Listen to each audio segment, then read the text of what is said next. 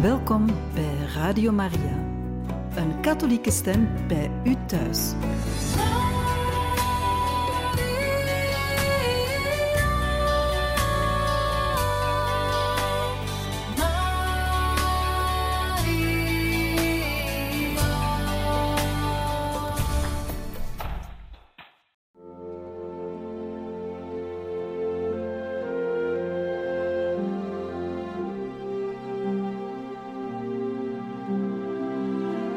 Beste luisteraars van Radio Maria, welkom bij het programma Catechismus.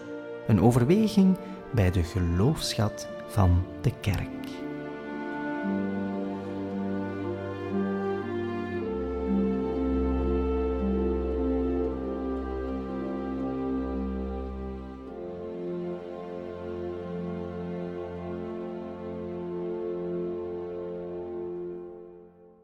Welkom beste luisteraars in het programma Catechismus. Vandaag kan u verder luisteren naar een catechese-reeks gebracht door priester Pierre François over de liturgie.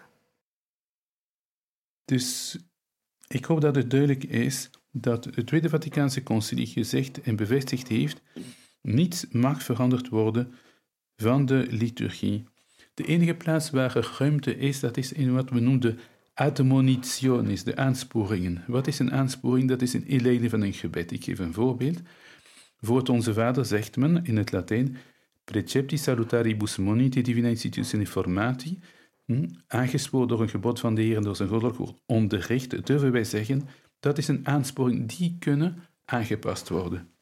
En inderdaad, in het Nederlands is er een tweede admonitio om met onze Vader te bidden. Dus, hè, uh, Laat ons bidden met de woorden die Jezus ons gegeven heeft en, enzovoort. Dus um, de admonitionis mogen aangepast worden, maar het is een heel klein deel van de mis, de gebeden zelf, het gebed uiteraard, die mogen niet, uh, en die mogen we niet aanraken. Dit klinkt allemaal heel traditioneel, maar dat is wat het Tweede Vaticaanse Concilie gezegd heeft. Wat is dan het grote probleem? Dat zijn de liturgische misbruiken. Eh, die komen eigenlijk van een verschuiving in het geloof. Dus men is niet meer zozeer aan het gaan aan het geloven in de openbaring van Christus, maar meer in een historisch proces uh, van bewustwording van het geloof waarvan de kerk zelf uh, de hoofdrolspeler zou zijn. Daar zit een zekere Hegeliaanse dialectiek achter. Dat zegt elke vorm van vooruitgang, waar de thesis en de antithesis botsen, hè, om tot een nieuwe uh, afhebing, een nieuwe over, uh, over een, nieuwe voorrang ontstaat, dat dat hetgene is de dynamiek hm, die de kerk moet volgen, dit is uh, heidens, dit is, uh, dit is niet bijbels. Mm. Maar het idee daarachter is te denken dat alles onderworpen is aan een soort mechanisme van zelfverloging om vooruit te gaan, een beetje te vergelijking is met de evolutie hè, in, in de biologie. God is aan de basis van de evolutie. God is aan de basis van de openbaring. God is aan de basis van een zekere vooruitgang en een groei in het geloof in de kerk dankzij de werking van de Heilige Geest. Dus er, kan, er kunnen kleine stappen vooruit uh, gezet worden om de ritussen te verbeteren, maar het oude totaal negeren om iets nieuws te maken dat botst met het vorige, dat is niet de bedoeling. Met andere woorden, niet alle veranderingen zijn goed. Ik heb die tijd nog gekend toen ik wat jonger was, dat elke persoon die begon gekke dingen te doen in de liturgie, die zei, dit is vooruitgang, dit is nieuw, dus per definitie is dat goed. Natuurlijk dat dan gekomen is tot heel erge misbruiken en dat de traditionalisten terecht zeggen, ja maar mensen, wat jullie daar doen, heeft geen zin meer. Helaas moet ik zien dat we nu uh, gestrand zijn met een zekere polarisatie. Dat het traditionele kamp niks moet hebben van welke verandering dan ook. Zelfs wanneer die goed zijn. Wanneer de kerk oudere mm, anaforen heeft gevonden en ingevoerd heeft in de Latijnse ritus, is daar niks verkeerd aan. Uh, wanneer men de lezing van het Oude Testament uh, opnieuw invoert in de, in de zondagmis, zodat er drie lezingen zijn in plaats van twee. Hm? Een epistel, maar voor een epistel er is een profetisch of een, een boek uit het Oude Testament. Dat is op zich niet slecht. Um, bepaalde hervormingen die er zijn gekomen zijn goed. En ik denk dat we een beetje vooruit uh, een beetje vertrouwen moeten geven aan de kerk. En vooral de polarisatie vermijden. Heb je nooit gezien dat wanneer de mensen spreken over de oude vorm van de mis 4, de Tridentijnse mis, in plaats van te zeggen de Tridentijnse mis, of wat men een tijdje lang heeft genoemd de buitengewone vorm van de ritus, dat wordt vereenzelvigd met de Latijnse mis. Wat absurd is, want je kunt de nieuwe mis ook in het Latijn doen. Mijn eigen wijding, dat was in de Sint-Pieterskerk in Rome door Paus Johannes Paulus II, de heilige Johannes Paulus II, was een Latijnse mis. De begrafenis van om paus is in het Latijn. Dus, en dat is de nieuwe mis. Het is bedroevend te zien dat de mensen, vooral in de pers, steeds en constant terugspreken over de Latijnse mis, alsof dat de oude mis was. Het is bedroevend te zien dat vanuit het tegenovergestelde kamp veel mensen spreken van de hedendaagse liturgie als de plaats van de misbruiken. Zoals dat ik zeg, ik doe een mis volgens het nieuwe missaal, en ik heb het al gezegd in het begin van deze uh, uiteenzetting, dat de mensen mij onmiddellijk beschuldigen van kumbaya, toestanden te willen uh, goed praten. Maar dat is dus niet. Hm? Ik denk dat er een beetje intellectuele eerlijkheid moet gevraagd worden aan beide kampen om beter te begrijpen dat het mogelijk is om een bepaalde convergentie van vormen te hebben die overeenkomt met wat de Heilige Geest wenst voor de katholieke kerk. Vroom, gelovig, ingetogen aan de ene kant, open aan een gezonde en voorzichtige vooruitgang aan de andere kant, maar in elk geval altijd in een geest van gehoorzaamheid aan de kerk en geest ook van opening aan de werking van de Heilige Geest. Dit was een inleiding op de liturgische oorlog, maar wat we nu gaan zien in de volgende aflevering, dat zullen een aantal dingen zijn in verband met het Romeinse missaal dat werd ingevoerd in 1970. Dus het postconciliaire missaal als het ware. Daarin zullen we zien dat dat missaal veel traditioneler is dan wat mensen denken. Dan het bekende motu proprio Summorum Pontificum van 7 juli 2007, waarin Paus Benedictus de mogelijkheid heeft om de oude mis te vieren een beetje ruimer heeft gemaakt. En dan, aangezien de beoogde vruchten van eenheid totaal zijn uitgebleven, in tegendeel de polarisaties verder ontstaan, dat Paus Franciscus met het motto proprio Traditionis Custodes dus uh, Summorum Pontificum een beetje heeft moeten terugschroeven.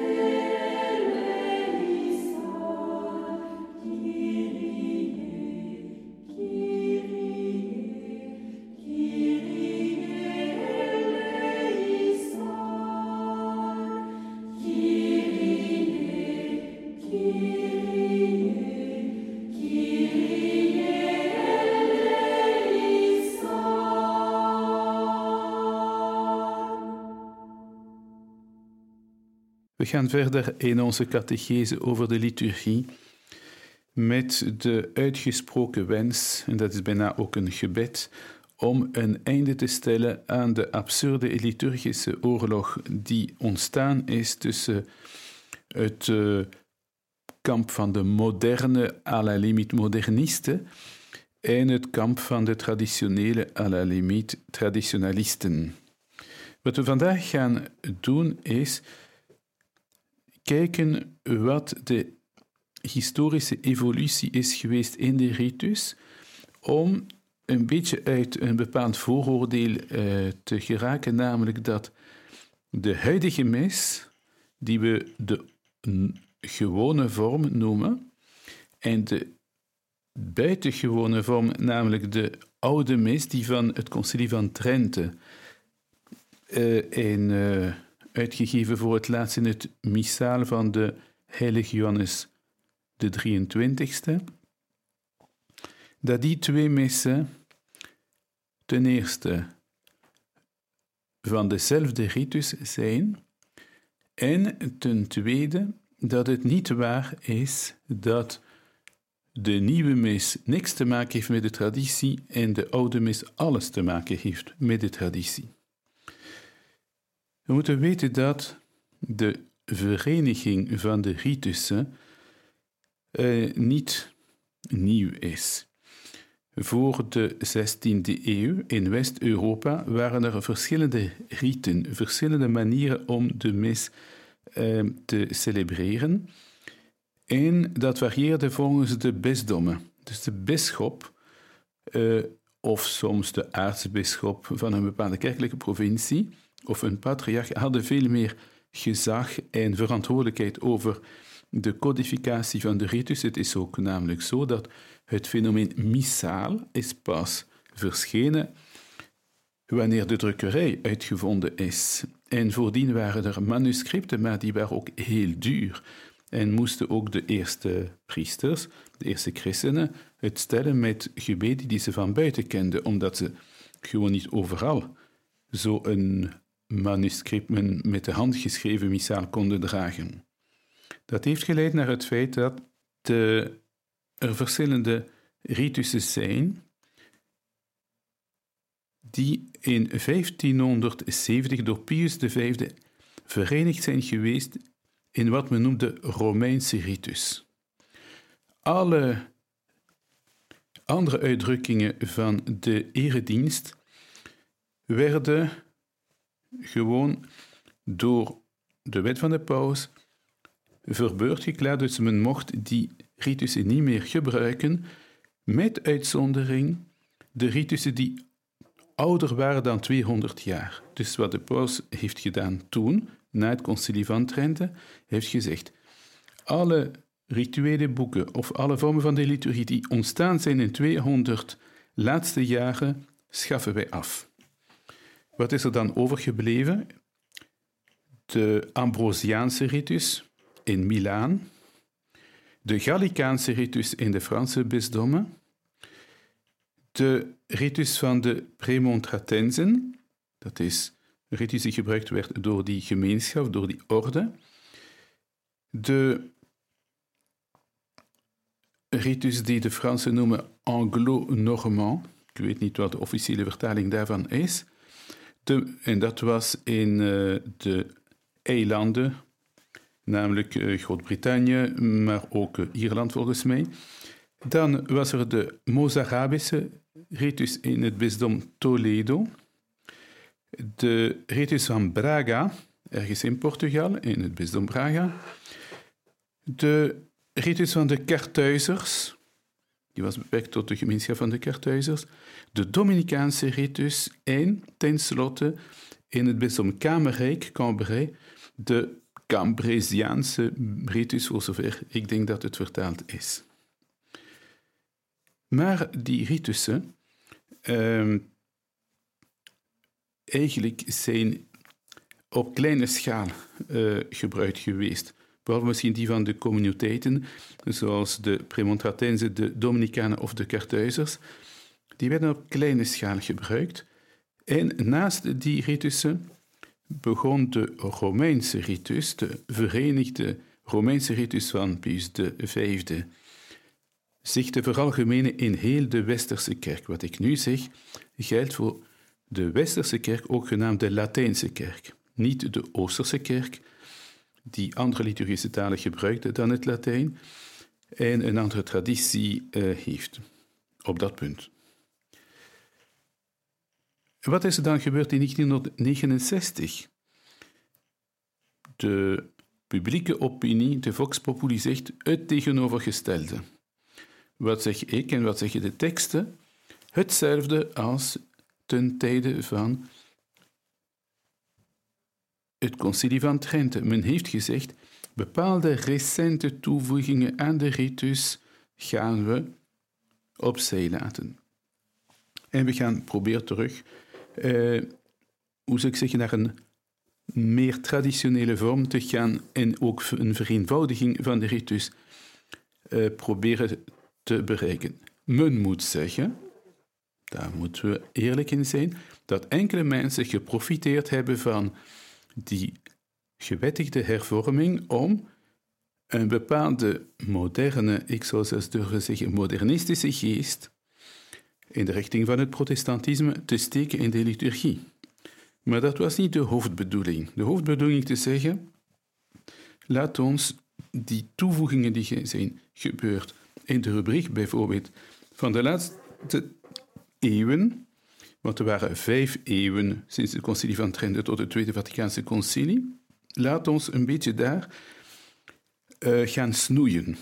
Dat is gezond in een tuin uh, te snoeien om meer kracht te geven aan bepaalde planten, dat we bepaalde elementen wegknippen. Het is helemaal geen teken van crisis of van dat was verkeerd of niet verkeerd.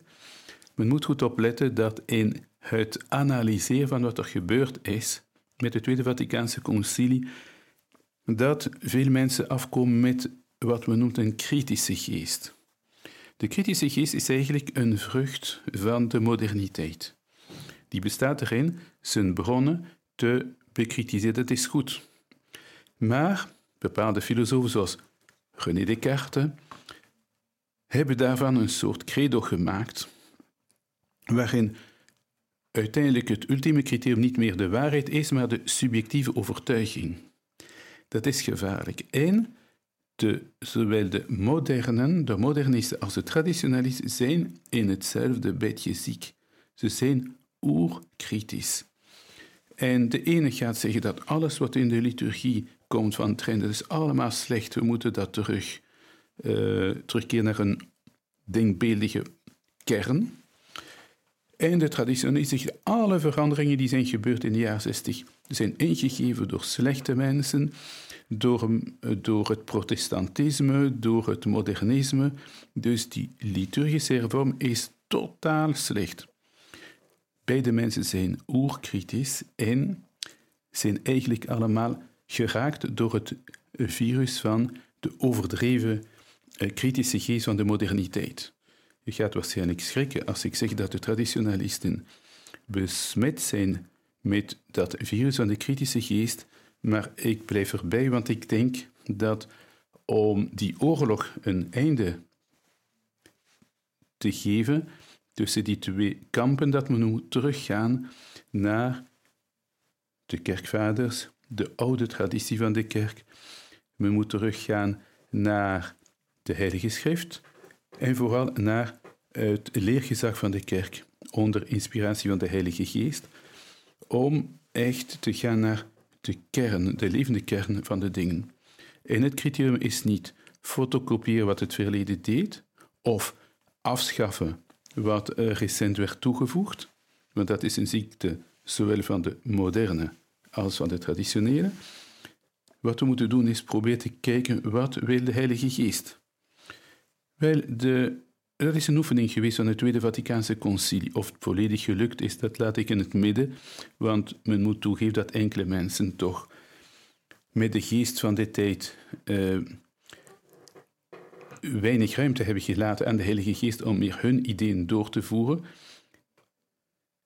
Nog één ding moet ik melden na het Tweede Vaticaanse Concilie, dat is dat in het kader van de inculturatie, om de gelovigen meer te betrekken bij de viering van de Eucharistie, want dat was een van de dingen die uh, door het Tweede Vaticaanse Concilie werd gevraagd, de actuosa participatio, heeft men voor Afrika, voor wat nu Congo is, toen heette dat Zaire, dan heeft men daar de mogelijkheid gegeven om enkele aanpassingen te doen, meer in de geest van de, dat land.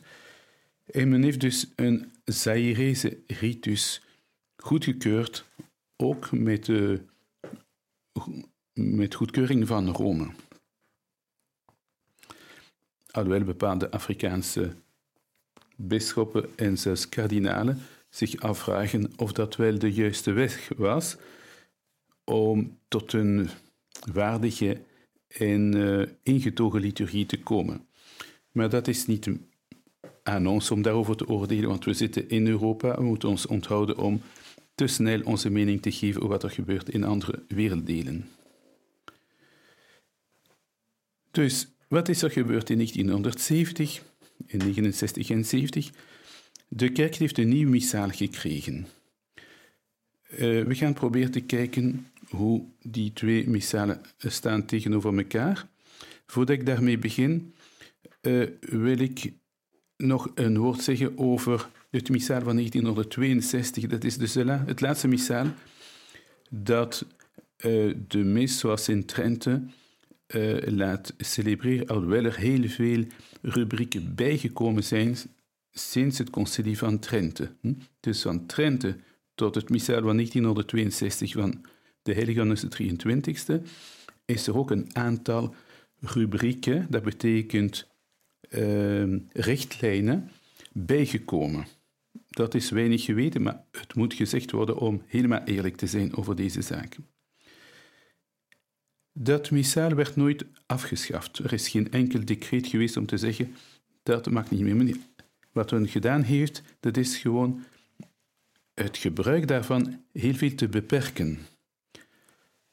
In het begin, na, vlak na het Tweede Vaticaanse Concilie, gaf men enkel het indult om de oude mis te celebreren aan oude priesters, voor wie het te zwaar zou zijn om zich aan te passen aan een nieuw missaal.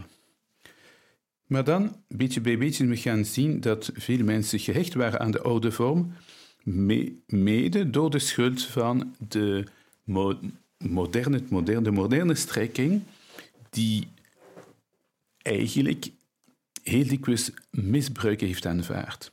De misbruiken zijn totaal verboden. Eh, ik zag een tekening, heel oneerlijk, zoals altijd met de pamfletten en de satire, waarin je een foto zag van een oude mis, volgens missaal van 62, en een zogenaamde mis ergens op een strand uh, met mensen die helemaal niet gekleed waren en priesters niet gekleed waren om de liturgie te vieren. En daaronder stond dat de oude mis verboden was en die nieuwe die was toegelaten. Dit is een zware zonde om zoiets te publiceren, want het is een leugen. De oude mis is niet verboden, is gewoon beperkt. En de misbruiken die men ziet op de foto zijn helemaal niet toegelaten, die zijn verboden. Dus eigenlijk, in plaats van zwart en wit, spreekt men van wit en zwart. Het is een, een manoeuvre van de duivel om tweedracht te zaaien in de kerk. Wij moeten ons daar niet in uh, laten doen. Dat is uh, laster. Uh, en de duivel houdt van laster. Goed, terug naar onze zaak.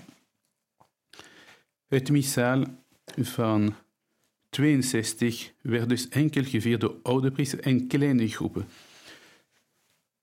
Paus, de heilige Johannes Paulus II zag dat er soms gewettigde vragen waren van bepaalde mensen om uh, die oude viering te vieren. Trouwens, het is altijd interessant te weten waar we vandaan komen. En dus heeft een aantal indulten gegeven om meer uh, mogelijkheden te geven aan de gelovigen die zonder ongehoorzaam te zijn aan de kerk, zonder de uh, vruchten van het Tweede Vaticaanse Concilie te verwerpen. Hm?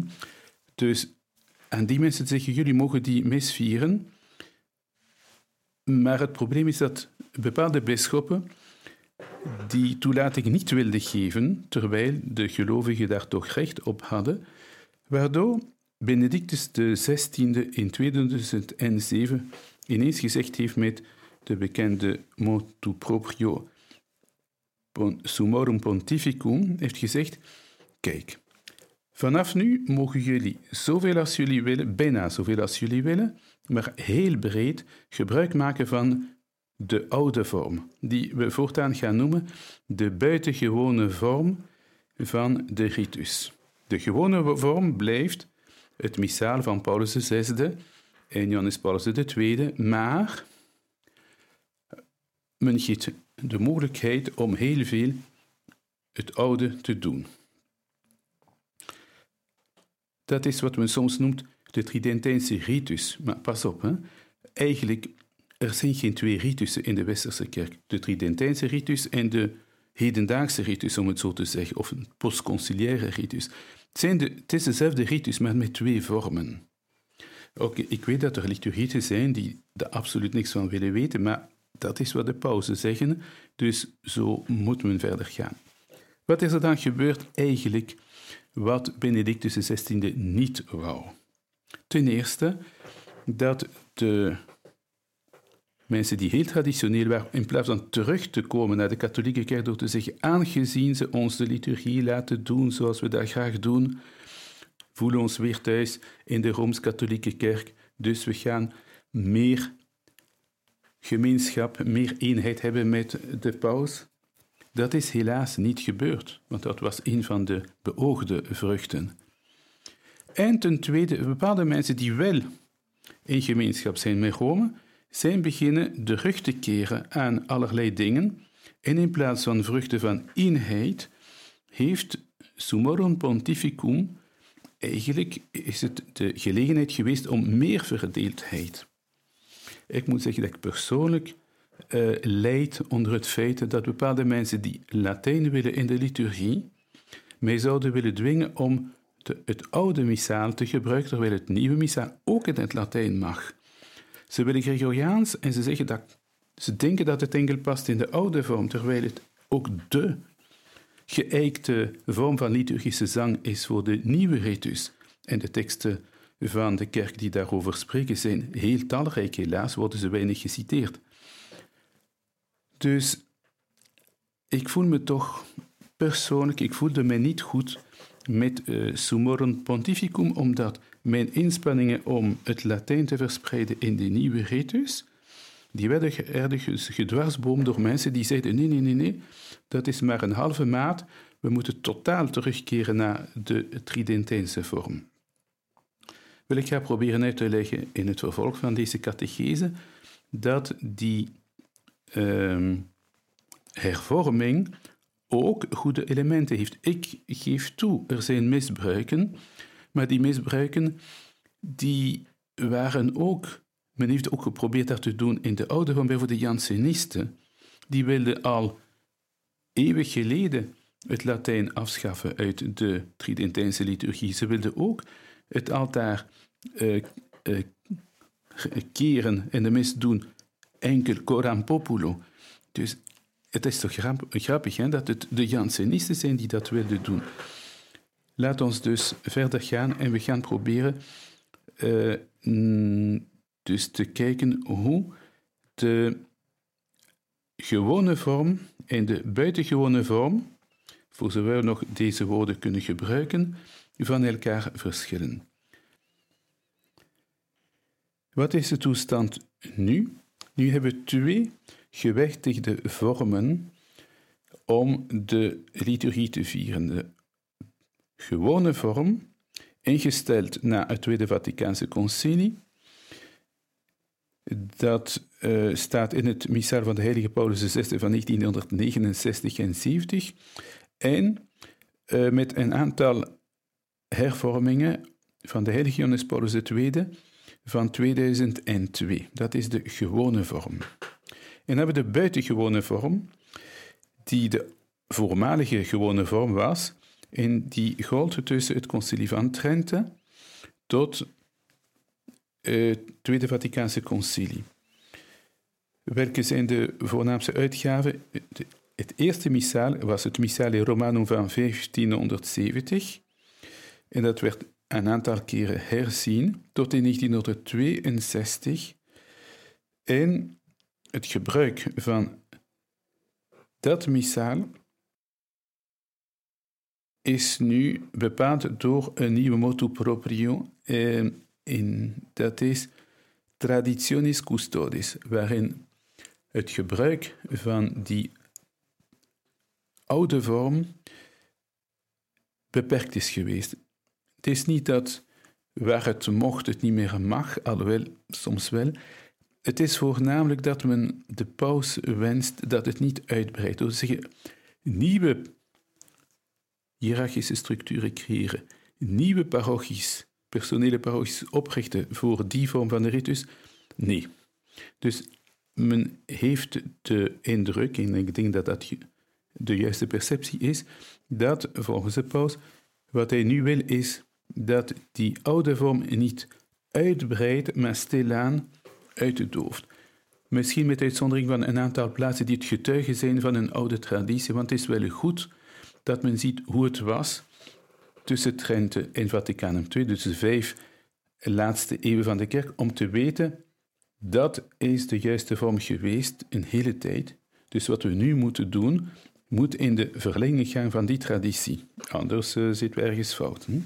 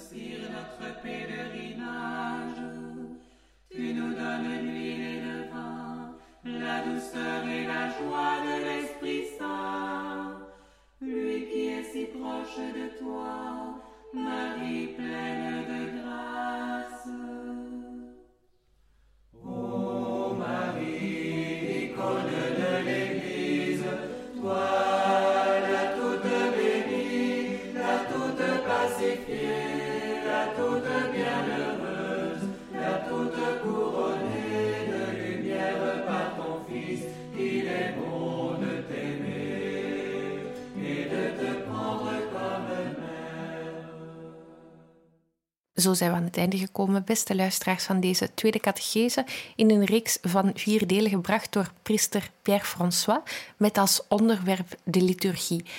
Radio Maria wenst u nog een mooie dag toe.